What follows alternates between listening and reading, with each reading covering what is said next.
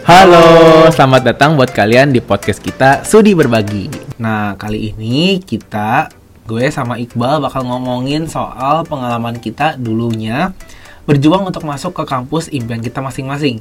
Nah, kalau gue sendiri, uh, Irwan, itu dulu masuk ke ITB pada tahun 2014.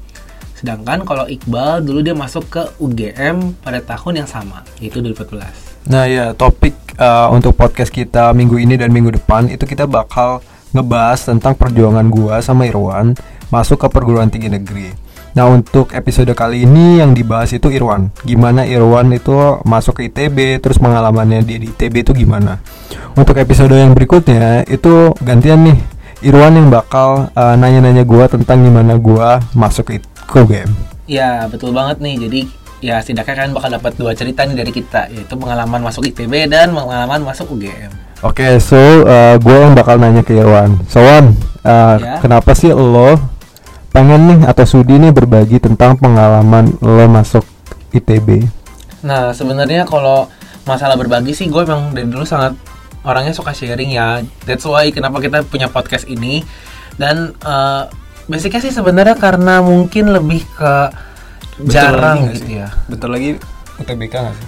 Iya, dan karena benar lagi UTBK banyak banget nih akun-akun sosmed dan istilahnya website-website yang ngebahas tentang UTBK itu, tapi mungkin nggak semua dari mereka tuh memberikan informasi yang kredibel dan benar gitu. Hmm. Udah salah, kalau nggak udah salah berarti kan nggak bisa dipercaya dong gitu. Jadi mungkin gue sebagai orang yang pernah terjun langsung dan juga kebetulan sekarang gue lagi kerja di salah satu perusahaan edtech di Indonesia. Jadi gue bisa membagikan cerita atau kisah yang bisa dibilang Cukup valid lah ya. mm-mm, cukup bisa dipercaya gitu. Hmm. Gini Wan, gue sebagai orang luar ya, gue tuh kayak ngeliat ITB tuh prestis banget ya. Nah itu tuh salah satu alasan lo milih ITB apa enggak sih? Iya sih sebenarnya kalau dipikir-pikir ITB itu emang prestisius gitu. Tapi sebenarnya salah satu hal yang benar-benar bikin gue pengen masuk ITB itu karena gue pernah kunjungan langsung ke eh, kampusnya waktu gue sekolah gitu pas gue SMA kelas 12 gue masuk ke eh, kan ada kunjungan gitu kan kunjungan kampus dan eh, kita datangnya ke ITB dan pas pertama kali gue ngeliat gila ITB itu kampusnya keren banget. Beda banget sama image kampus yang sama ini gue dapetin di Jakarta gitu.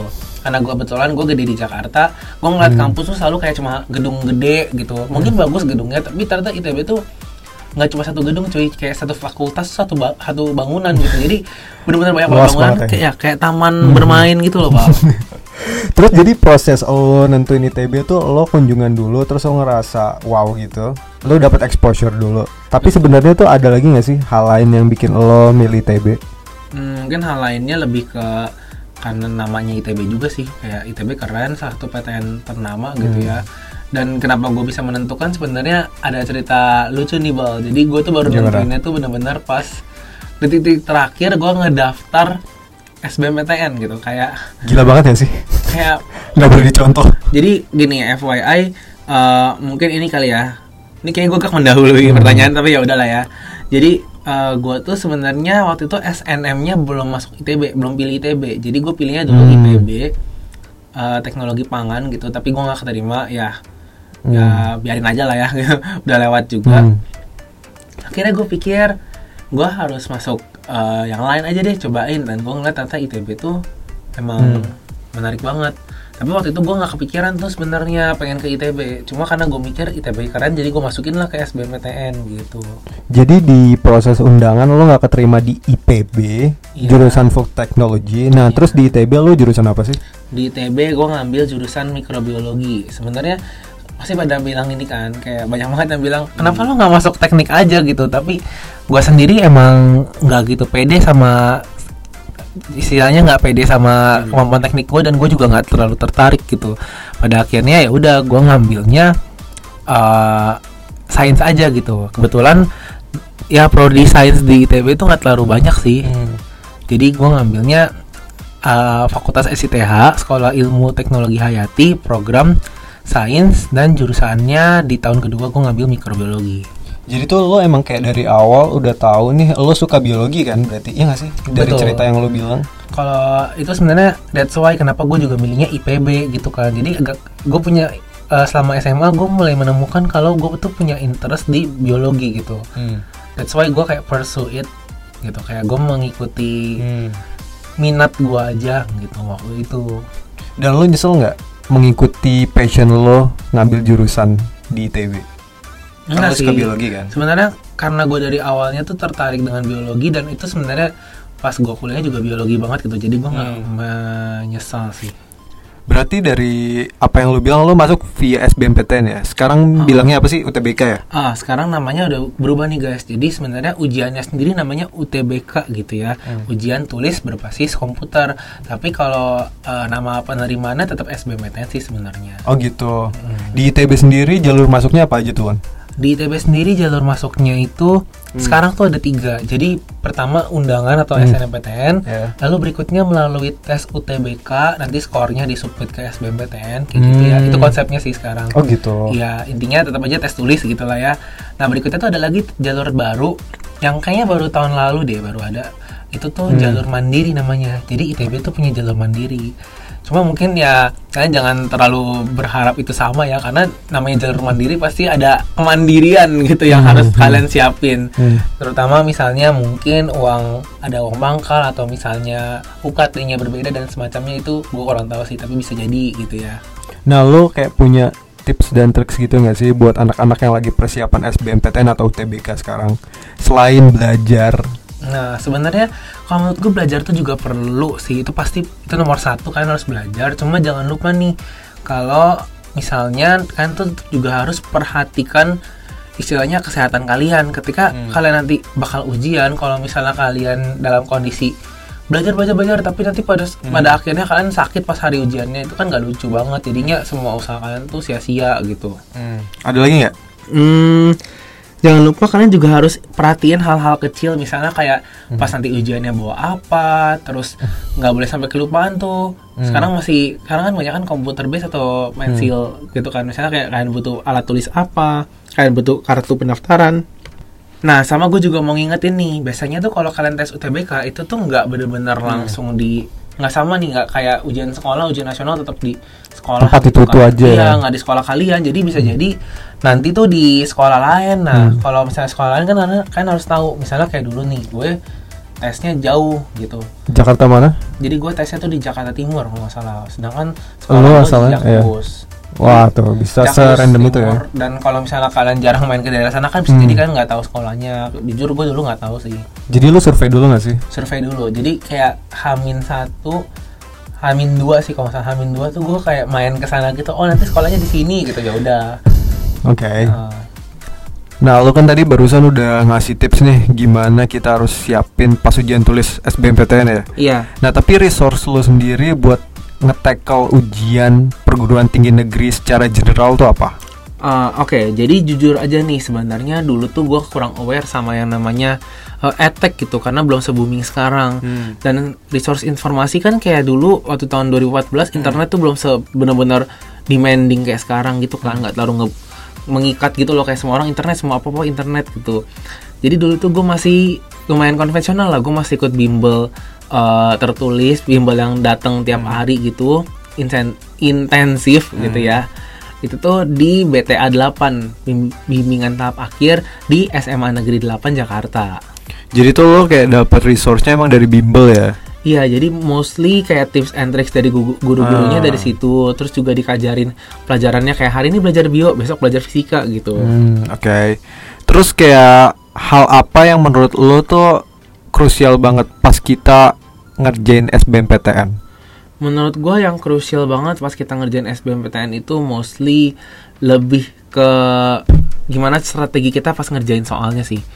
Jadi kalau misalnya lu ngerjain soalnya tuh eh misalnya kan kalau ujian SBMPTN itu kan ada TPA, ada tes yang apa sih namanya sekarang sekarang berubah di UTBK tuh namanya tes potensi skolastik. Jadi Oh gitu. logika Itu TPA tuh. Iya itu jadi logika bahasa Indonesia bahasa Ah. Inggris gitu. Itu tuh menurut gua salah satu ladang nilai gitu. Jadi kayak kalau itu lo bagus lu tuh bisa dapetin sekitar mungkin sekarang tuh sekitar sepertiga am- sampai setengah dari semua nilai gitu loh. Oh gitu. Iya. Sedangkan kalau misalnya nanti kalau kalian yang saintek ngerjain soal saintek tuh lebih eh, susah gitu. Kayak misalnya eh, ada matematika IPA fisika kimia biologi menurut gue itu bakal bener-bener susah gitu nilainya kayak yang penting lo harus ngerjainnya dahuluin yang lo bisa dulu jadi tips gue sih lo coba scan dulu soal yang mana Hmm. kalau yang udah rasa anjay ini soal susah banget skip skip gitu nggak apa-apa skip Oke. kayak dulu aja nih FYI ya dulu tuh gua ngerjain soalnya tuh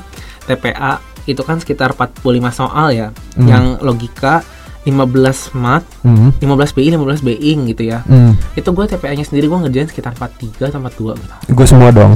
ya sebenarnya gue gue pertama pengen semua tapi ada dua gitu yang gue nggak yakin jadi gue pikir ya udahlah daripada minus Hmm. karena gue nggak yakin nggak yakin itu Hmm.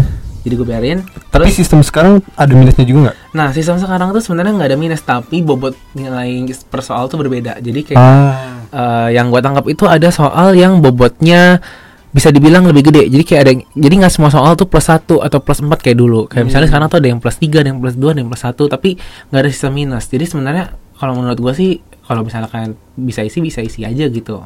Jadi tuh kayak lo ngisi apa yang lo bisa dulu kali ya? iya kalau menurut gue lebih ke tapi konsep efisiensi ngerjain tuh tetap penting menurut gue Apa tuh maksudnya? maksud gue efisiensi itu adalah lu ngerjain yang bisa lu dapat skor dulu. Kalau misalnya yang Hmm. lain yang kira-kira butuh kan kayak soal misalnya soal fisika deh bener nggak nih bang kan lo anak fisika nih kalau misalnya soal tuh yang teori pasti lu bisa lebih cepet nangkep dan Iya. lu bisa kayak nentuinnya tuh lebih cepet gitu loh kayak ini Hmm. benar nih salah gitu Hmm. daripada lo harus ngitung misalnya gabungin rumus apa ntar nyampe nya ke mana nyampe lagi rumus apa gitu kan Oke. Mm-mm. Jadi kayak ngerjainnya secara efisien. Terus apa lagi? selain efisien lu juga harus lebih ke intinya cepet aja sih gitu Hmm.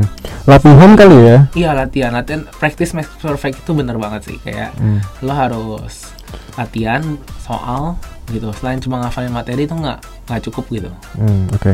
Terus, nah terus kan lo udah ngasih tahu nih kita harus gimana pas ujian SBMPTN. Ah benar. Terus hal yang menurut lo nih nggak boleh dilakuin sama teman-teman suber nih apa nih pas ujian? Nah menurut gue nih ya buat teman-teman subar yang nanti bakal mau ujian, sebenarnya ujiannya nggak cuma tentang UTBK doang sih, lo bisa juga menerapkan ini di ujian apa pun gitu ya. Kalau menurut gue sih jangan pernah terpressure dengan peer kalian gitu, dengan saingan-saingan kalian yang nanti di ujian di ruangan yang sama gitu, karena banyak pasti ada yang kayak cepat kayak yang udah nyantai gitu. Belum tentu mereka tuh skornya bagus gitu loh. Biasanya mereka pusing nggak ngerti gitu. Jadi kayak just keep it by yourself gitu loh kayak maju aja terus gitu. Yang penting lo gitu. Konsen aja nggak sih sama Betul. diri lo sendiri? Oke. Uh, itu terutama sih karena waktu itu gue ngeliat kayak ada satu nggak tahu kenapa ya dia itu kayak udah mau ngumpulin duluan gitu terus kayak udah santai itu kebetulan mejanya benar-benar depan gua banget gitu Terus lo panik nggak sih? Karena gue kayak gini anjay dia kok pintar banget ya apa soal dia gampang ya gitu kayak udahlah itu nggak lu nggak usah mikirin orang lain karena ya what matters di situ ya Lo. lo sendiri gitu Nah terus abis ujian tuh kan kayak kita ke postpone berapa bulan gak sih sampai pengumuman? Itu lo Hmm. gimana tuh perasaannya? Gue deg-degan sih. sebenarnya gue tuh juga deg-degan tapi kalau gue gue sendiri tuh gak tau kenapa ya gue punya prinsip kayak yang sudah berlalu biarkan berlalu saja gitu jadi kayak ya udah gitu gue deg-degan gue jadi tapi gue masih bisa liburan kayak gue ke Dufan gue keluar kota dan lain-lain kayak apa ya ya udahlah udah lewat juga mau gimana lagi nggak bakal bisa gue buburin gitu loh kayak kayak nasi sudah menjadi bubur gitu. Kayak ya udah gitu. Kayak tapi kadang-kadang ini ya selama walaupun gue liburan gue jalan-jalan sama teman-teman gue yang haha sama teman-teman gue yang gak daftar PTN gitu ya mereka sih kayaknya happy-nya beneran genuinely happy gitu. Tapi kalau gue tuh sebenarnya ada kayak bayangan gitu loh kayak keterima nggak ya gue gitu. Selama sisa liburan yang real liburan itu. Nah, terus kayak pas pengumuman lo excited banget gak sih? Kan seingat gue ya pas zaman 2014 itu pengumuman itu kayak dimajuin gitu kan. Lo excited apa lo gimana tuh pas ngebuka portal? sebenarnya bisa dibilang gue excited sih tapi kayak deg-degan juga Lu nangis gitu. nggak? Mm, enggak sih gue ber itulah apa sih eh matanya berkaca-kaca nggak nangis sih soalnya kayak waktu itu gue kayak apa ya kan pas dibuka tuh gue bener bukanya tuh pas jam tengnya gitu kan. Kalau jam 5 ya jam 5 atau jam 2 Iya jam segituan. pokoknya sore ada jam tentunya gitu deh gitu. Terus itu pas gue buka ya gue tuh kayak aduh ngecrash ngecrash gitu karena mungkin kebanyakan orang yang buka. Iya, jadi kayak se Indonesia kan. udah keburu mumet duluan ah nih apaan sih websitenya? Masa pemerintah remote gitu kan. Kayak tapi akhirnya bisa kebuka juga. Dan pas gue buka Jir ijo mantul. Tapi itu pilihan keberapa sih, Wan? Jadi sebenarnya ini pilihan satu. Sebenarnya ada sedikit ini juga sih sebenarnya ini dons juga tapi sebenarnya donsnya lebih ke bagaimana cara lo ngeplay ya. Strateginya sih? Hmm, strategi ngeplaynya. Jadi sebenarnya gue ada sedikit ke nololan sih, tapi kayak menurut gue gue nggak menyesali itu karena eh gue tuh menaruh pilihan kedua dan ketiga gue itu sebenarnya istilahnya pilihan-pilihan yang lebih tinggi gitu, lebih tinggi eh, passing grade-nya. Iya peminatnya lebih tinggi, passing grade lebih tinggi Terus ngapain gue taruh nomor 2 nomor 3 gitu kan. Berarti emang kayaknya hati gue tuh memilih untuk masuk ke SITH gitu. Padahal waktu itu tuh sebenarnya passing grade SITH Tapi passing grade ini sebenarnya unofficial sih ya, ya bikinan orang gitu lah. Hasil riset orang dan itu tuh sekitar Ya waktu itu kalau nggak salah sekitar 39 Sedangkan pilihan keduanya gue masukin FK Udayana orang bego Kira kan gue jadi kayak ya udahlah gitu Padahal FK kan di mana mana pasti tinggi ya banyak yang mau Oke, abis excited kayak gitu, pertanyaan gue selanjutnya adalah di ITB itu yang gue lihat sih, dan gue pernah ketemu beberapa orang dari ITB kan, Mm-mm. mereka tuh kayak ambisius, terus kayak ya udah kayak pinter banget gitu. Menurut lo itu bisa ngegambarin anak ITB gak sih? Kehidupan lo di ITB gimana? Kalau menurut gue ya sebenarnya kalau dibilang anak ITB itu ambis bisa dibilang benar sih karena anak ITB tuh emang pada kalau nggak belajar tuh susah gitu loh buat lewatin tantangan-tantangan hidupnya gitu. Nilainya seret gitu, kayak dosennya juga Ah, ya. kayak galak-galak, makanya lo harus pinter. Sebenarnya nggak, juga sih nggak kayak dosen mah menurut gue di mana-mana sama lah pasti ada dosen yang killer ada dosen yang baik nilai yang paket A gitu yang kayak semua A gitu mau nulu- ngu- nulis Indonesia Raya juga di esai dikasih A gitu. Cuma menurut gue lebih ke gini aja sih kayak mungkin karena orang-orang mikirnya udah masuk ITB nih udah susah-susah gitu udah ngalahin banyak orang. Ya masa gue saya siain sih kesempatan kuliah bagus deh ya Allah masih ada yang mikir kayak gitu gitu. Cuma kayak kalau bilang ambis cara garis besar ambis tapi nggak semua. Maksudnya kayak ya mungkin kelihatannya ambis karena populasinya ambis gitu. Tapi ada juga kok orang yang slow kayak gue sebenarnya nggak terlalu ambis tapi ya ya gue smart aja gitu anjir smart dalam artian strategi Belajar, belajar dan mengerjakan ujian Oke. Mm. Dan pemilihan dosen gak sih Wan? Yang Iya. kata lo tadi dosennya auto A itu. iya kalau kan ada Siapa namanya Wan? Aduh, gue lupa tapi uh, sebenarnya gue tahu namanya. Namanya tuh kayak nama bapak puisi Indonesia gitu, tapi I don't want to spill it here gitu kayak nantilah ada sesinya sendiri gitu. Kayaknya mungkin nanti lo juga tahu lah kalau lo masuk ITB aja. SITH ya? Makanya masuk ITB ya. di ITB ada satu, di luar juga ya matkul. Di ITB itu namanya mata kuliah dasar umum gitu itu juga ada satu. auto A gitu ya? Iya, dan itu rebutan banget guys. Jadi kalau kalian ngisi namanya itu rencana studi gitu ya. Kalau kalian ngisi rencana studi itu pasti matkulnya rebutan banget kayak baru 10 menit dari jamnya aja tuh udah penuh gitu. Kan tae gitu. ya udahlah ya. Dia gitu sih. Nah ITB kan kampus negeri kan, berarti kan kayak mahasiswanya tuh dari macem-macem nih, dari Sabang sampai Merauke. Betul. Itu gua penasaran sih kayak uh, uang kuliahnya, kita nyebutnya apa sih UKT ya? UKT. Uang kuliah tunggalnya tuh beragam gitu atau gimana sih? Atau semua ini dipukul rata sama yang mahal gitu? Hmm, sebenarnya secara mendasar gitu ya. eh, ITB itu emang gak ada uang pangkal. Mm-mm. Jadi istilahnya masuknya gratis lah ya. Tapi tiap semester tuh kita ada UKT yang normal tuh 10 juta Wow. per semester untuk semua fakultas gitu ya. Kecuali untuk sekolah bisnis manajemen. Kalau untuk sekolah bisnis manajemen atau SBM itu dia tuh eh uang pangkal eh nggak ada uang pangkal tapi dia UKT-nya tuh 20 juta satu semester. Nah itu buat temen-temen yang kayak dari keluarga menengah ke bawah itu ada nggak sih kayak uang kuliah penyesuaian uang kuliah tunggal itu atau UKT ada nggak? kalau yang gue tahu sebenarnya kayaknya nggak cuma ITB sih tapi kayak UGM juga mungkin ada ya yang namanya beasiswa bidik misi jadi itu buat eh, teman-teman eh, kita yang mungkin buat kalian juga bisa sih. Buat kalian yang mungkin merasa aduh gue nggak ada duit nih gitu.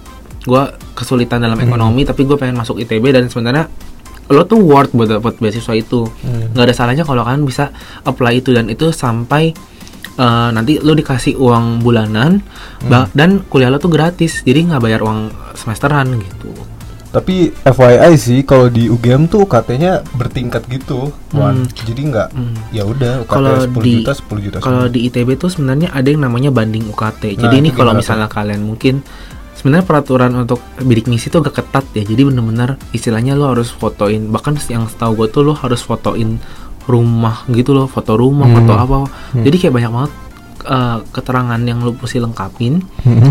tapi kalau misalnya lu daftar beasiswa yang eh, lain gitu Hmm. kita namanya sih banding UKT ya itu jadi meminta penurunan UKT sampai ke titik tertentu nah itu ada pembagiannya jadi bisa 4 juta bisa 6 juta bisa 8 juta gitu sampai 0 sebenarnya tapi kalau 0 mungkin kondisinya khusus banget Hmm. gitu Jadi kayak jangan takut gitu nggak sih Wan? iya bener banget buat kalian semua jangan takut ya bahkan nggak cuma di ITB kok di UGM kayak di UI di mana pun Kampus gitu. negeri lah ya intinya. Mm-mm. Mm-mm. kampus negeri itu karena mungkin lebih human lah ya gitu.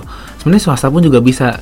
Dan selain itu juga banyak banget beasiswa yang jalur prestasi gitu loh. Jadi bisa jadi eh, nanti kalian kalau udah masuk kampusnya kalian ngeplay itu yang jalur beasi- beasiswa prestasi gitu juga banyak. Hmm. Tapi biasanya ngasih swasta sih. Kalau Iya. ini kan gue ngomonginnya yang tadi tuh apa banding sama apa namanya namanya bidik, Bidik misi misi. itu kan dari pemerintah Hmm. gitu. Terus ada beasiswa dari luar juga ya. Yang penting kayak kita aktif aja nggak sih nyarinya? Bener sih dan lo juga buktikan dengan lo worth atau enggak. Misalnya ya Waduh, IP lu ini bagus lah. di gitu. kampus lah ya intinya ya. Bener Eh, banget. Ya kalau lu daftar beasiswa prestasi tapi IP lu misalnya di bawah dua gitu ya siapa yang Hmm. nerima lo gitu kayak gue sih ngomongnya belak-belakan aja ya langsung. Ya lo Jadi- juga harus pinter. Ya, jadi kayak possibility lo meskipun lo dari keluarga menengah ke bawah ya lo Hmm. masih bisa lah kuliah di TB gitu ya. Bisa banget. Nah, terus gue pengen nanya selanjutnya itu kan semua orang kan udah pasti nih bisa masuk ITB tanpa peduliin uang kan. Iya. Nah, terus uh, worth it nggak sih kesempatan lo buat ngembangin diri di ITB itu gimana? Eh, menurut gua ya sangat-sangat worth it gitu karena di ITB tuh dia itu punya UKM atau unit kegiatan mahasiswa tuh lebih dari 80 itu pas gue masuk loh gue nggak tahu Hmm. sekarang udah berapa kayaknya masih bakal nambah terus Hmm. dan itu tuh benar-benar istilahnya wadah kayak nggak mungkin lah lo kuliah tuh lo cuma kerjanya belajar pulang Hmm. belajar pulang gitu kan pasti lo ada mau ngembangin diri dari kalau istilahnya tuh soft skill gitu Hmm. Jadi wadahnya emang banyak ya. banyak banget Kayak apa aja sih kayak sports gitu-gitu ada nggak? Iya, kalau sports tuh kayaknya dari olahraga yang paling common gitu, misalnya kayak volley, basket, Hmm. sepak bola gitu juga ada. Sampai olahraga olahraga yang lebih spesifik kayak karate gitu tuh kalau nggak salah ada taekwondo sih namanya. Hmm. Dan lain-lainnya ada bahkan ada kayak kelompok apa sih Studi. capoeira gitu. Oh, capoeira. Itu juga ada. Jadi kayak benar-benar spesifik. Oh gitu. Terus juga pasti gue yakin sih nggak cuma di UGM aja yang ada kelompok studi. Di ITB pasti ada Ah, kelompok studi juga kan. Di ITB juga ada kelompok studi yang kayak belajarin tentang ya kayak kir gitu loh. Hmm. ada juga. Iya, iya, iya. Jadi kayak banyak banget eh, apa sih ka- eh, ram rangkumannya gitu banyak banget Hmm. kayak misalnya kan ada science, ada art, ada teknologi gitu. Hmm. Ada robotik juga. Wow. Ada, ada artnya tuh unit kesenian daerah tuh Hmm. banyak banget. Unit keagamaan juga ada. Terus juga ada unit-unit lainnya misalnya Hmm. kayak eh, apa namanya ISO. ISO itu ITB Student Orchestra. Hmm. Terus ada juga kayak padus gitu. Hmm. Namanya apa ya gue lupa deh. Tapi PSM, Paduan Suara Mahasiswa ITB Ah. gitu. Itu juga banyak. Hmm, jadi kayak banyak lah ya intinya wadahnya. Banyak Terus banget. lo dulu ikut apa nih? Kalau dulu gue pernah ikut Wait, gue tebak. apa? Lo pasti program yang kajian-kajian gitu ya? Enggak sih, tapi Oh, gue bukan. itu, tapi sebenarnya bisa bilang kajian juga sih. Jadi Oh. gua, uh, Berarti gue bener dong. Jangan lupa guys. Jadi sebenarnya di setiap kampus tuh pasti ada uh, namanya kan komite mahasiswa ya, keluarga mahasiswa lah gitu. Jadi lah ya. Iya kayak OSIS gitu lah di SMA, tapi kalau di sini namanya KMITB. Nah, gue tuh waktu itu pernah join KMITB di bidang riset teknologi pangan dan apa gitu. Dan itu tuh sebenarnya Cool. ya eh, nggak cool sih sebenarnya nerds tapi kayak jadi bacain jurnal jurnal tuh btw buat kalian yang belum tahu ya kayak artikel ilmiah gitulah ya Oke. yang kredibel jadi kita bisa percaya tuh isinya gitu jadi kayak ngerangkum gitulah Uh, terus lo udah aktif tuh di dunia kuliah. Terus juga lo aktif di dunia organisasi gitu gak sih? kalau organisasi lebih ke ini sih himpunan mahasiswa Himpunan aja. mahasiswa. Terus achievement lo apa aja yang udah lo dapet selama kuliah? Yang bisa dibagi sama teman-teman? sebenarnya gini sih kalau yang bisa dibagi gitu ya ya tentunya kalau piagam-piagam gue gue menang lomba gue bisa gue bagi lah ya tapi setidaknya banyak banget tuh lomba-lomba yang bisa lo ikutin baik sesuai dengan jurusan lo inline ataupun gak inline sama Iya. sekali gitu itu bisa banget lo ikutin dan itu salah satu tips dari gue mungkin ya pertama gini IP itu ada yang bilang katanya ah IP emang nggak taruh Hmm. penting ya Bullshit. itu bohong sebenarnya gini bukan berarti benar-benar penting banget tapi maksudnya gini lo harus bisa membalance gitu loh kayak Iya. IP lo tetap aman ya setidaknya minimal minimal banget tiga lah ya gitu paling Hmm, jelek kalau bisa kumot lebih bagus Hmm. tapi kalau misalnya jadi lu turn up nih kalau misalnya coba deh kalau Hmm. menurut lo gimana bal Karena menurut gua kayaknya kita harus bikin podcast sesi Iya. hubungan IPK dan dunia kerja dan dunia S2 dan segala macamnya deh. Iya karena menurut kalau ada yang bilang ah nanti kerja lo nggak sesuai IPK Mm-mm. apa sih Bill Gates nggak kuliah aja bisa bikin itu ya? Bill Gates keluarannya depakan Oxford lu mah depakan apa? Gitu kan kayak gue juga mikir gitu kalau gue nggak kuliah ya nggak beresin kuliah ya gimana? Apa Mm. kabarnya nanti gue? Gitu. Tapi buat kegiatan-kegiatan mahasiswa gitu ITB sendiri atau dosennya itu suportif nggak sih sama kalian? Kayak misalnya lo pengen bikin suatu apa ya penelitian terus dosennya atau ITB-nya kayak hmm. ngasih wadah buat itu sebenarnya gini sih kalau gue ya gue ngeliatnya gini tapi ini eh, buat yang denger ini sebenarnya subjektif dari gue ya jadi mungkin nggak terlalu apa ya bisa bisa lu bisa mendengarkan hal yang lain dari orang lain gitu. Tapi kalau gue sendiri jadi gue ngelihat kalau misalnya jurusan lain gitu karena gue bukan basicnya teknik kalau teknik tuh sebenarnya mereka tuh bahkan perusahaan prodinya gitu ya jurusannya itu udah banyak banget yang membantu gitu loh. Bahkan buat lomba tuh difasilitasi dan lain-lain. Hmm. tapi mungkin karena gua sains gitu sebenarnya nggak terlalu banyak anggarannya masuk ke tempat gua. Jadi Oh, kalau gitu. misalnya kayak reimburse reimburse keuangan Aha. itu sebenarnya agak sulit gitu ya Oh. karena kan emang namanya juga ITB gitu bisa dibilang ya kita bukan major point yang bisa menarik pasar gitu loh Hmm, gitu tapi gue tetap bangga sih kayak maksudnya didukung masih bisa tapi mungkin skalanya kayak dosen tapi kalau misalnya kayak Hmm. sekolah atau fakultas gitu menurut gua gue sayangnya agak kurang sih gitu jadi eh, bisa dibilang achievement kita tuh banyak kan yang mini-mini dari kita gitu nggak bisa yang lebih besar lagi padahal kan sebenarnya life science penting juga ya gitu. Hmm. Nah, eh, ini mungkin kayak pertanyaan terakhir kali ya. oke Buat gua ke lo satu kata buat ITB itu apa? Karena kita kayak udah hampir 30 menit anjir. Ya udah satu kata Wan. satu kata ya satu kata buat kuliah di TB mengesankan Nggak ini banget ya, nggak kejawab banget anjir. Iya sebenarnya kayak menurut gua mengesankan itu bisa Diplomatic. Bermakna positif bisa juga negatif sih. Oh, Negatifnya gitu. tuh jadi ada beberapa kesan negatif dari ITB yang mungkin gak akan gue ceritain di sini. Haha. Gitu. Makanya kalau mau nanya-nanya nanti DM IG aja lah. Apa tuh IG-nya? Aduh IG-nya WANTJA seperti nama ntar lu bisa lihat-lihat di bio gitu. Hmm, jadi buat lo semua yang kayak masih penasaran tentang ITB, lo bisa reach out kita Iya. via Instagram Iya. atau via email ya. Nah, atau lo bisa kayak IG Sudi berbagi juga boleh. Iya, boleh juga. Mm. Ya udah. Uh, sampai di sini dulu podcast kita tentang gimana perjuangannya Irwan masuk ITB. Sampai Iya. jumpa uh, minggu depan. Nah, buat kalian yang pengen dengerin podcast berikutnya tentang perjuangan gua masuk UGM, jangan lupa disimak dan didengarkan podcastnya dengan baik dan khusyuk di minggu depan ya. Iya jangan lupa ya buat kalian yang- yang nggak semua sih pasti masuk mau masuk ITB ya jadi pasti ada juga yang mau masuk UGM nah dan lain-lainnya juga kalian bisa dengerin nih ceritanya Iqbal di episode berikutnya Dan gue gue bakal pastiin nggak cuma ITB sama UGM yang bakal ngisi, mungkin episode berikutnya juga bakal ada. Ya nggak sih? Iya kita bakal bisa masukin juga eh, teman-teman kita yang dari UI misalnya bisa Eh, juga Udayana. dari Udayana susah ya Mas mesti nyari orang Bali nggak juga sih sebenarnya tapi sih. ya susah sih tapi kayak nanti kita usahain deh Iya, siapa pun ya soalnya networking kita gede guys, jadi Iya, tenang aja. Asik. Tinggal komen aja kalian pengen eh, siapa yang ngisi, maksudnya universitas apa yang bakal dibahas. Dan kita akan berusaha untuk mengabulkan itu. Oke. Jadi sampai jumpa. Bye.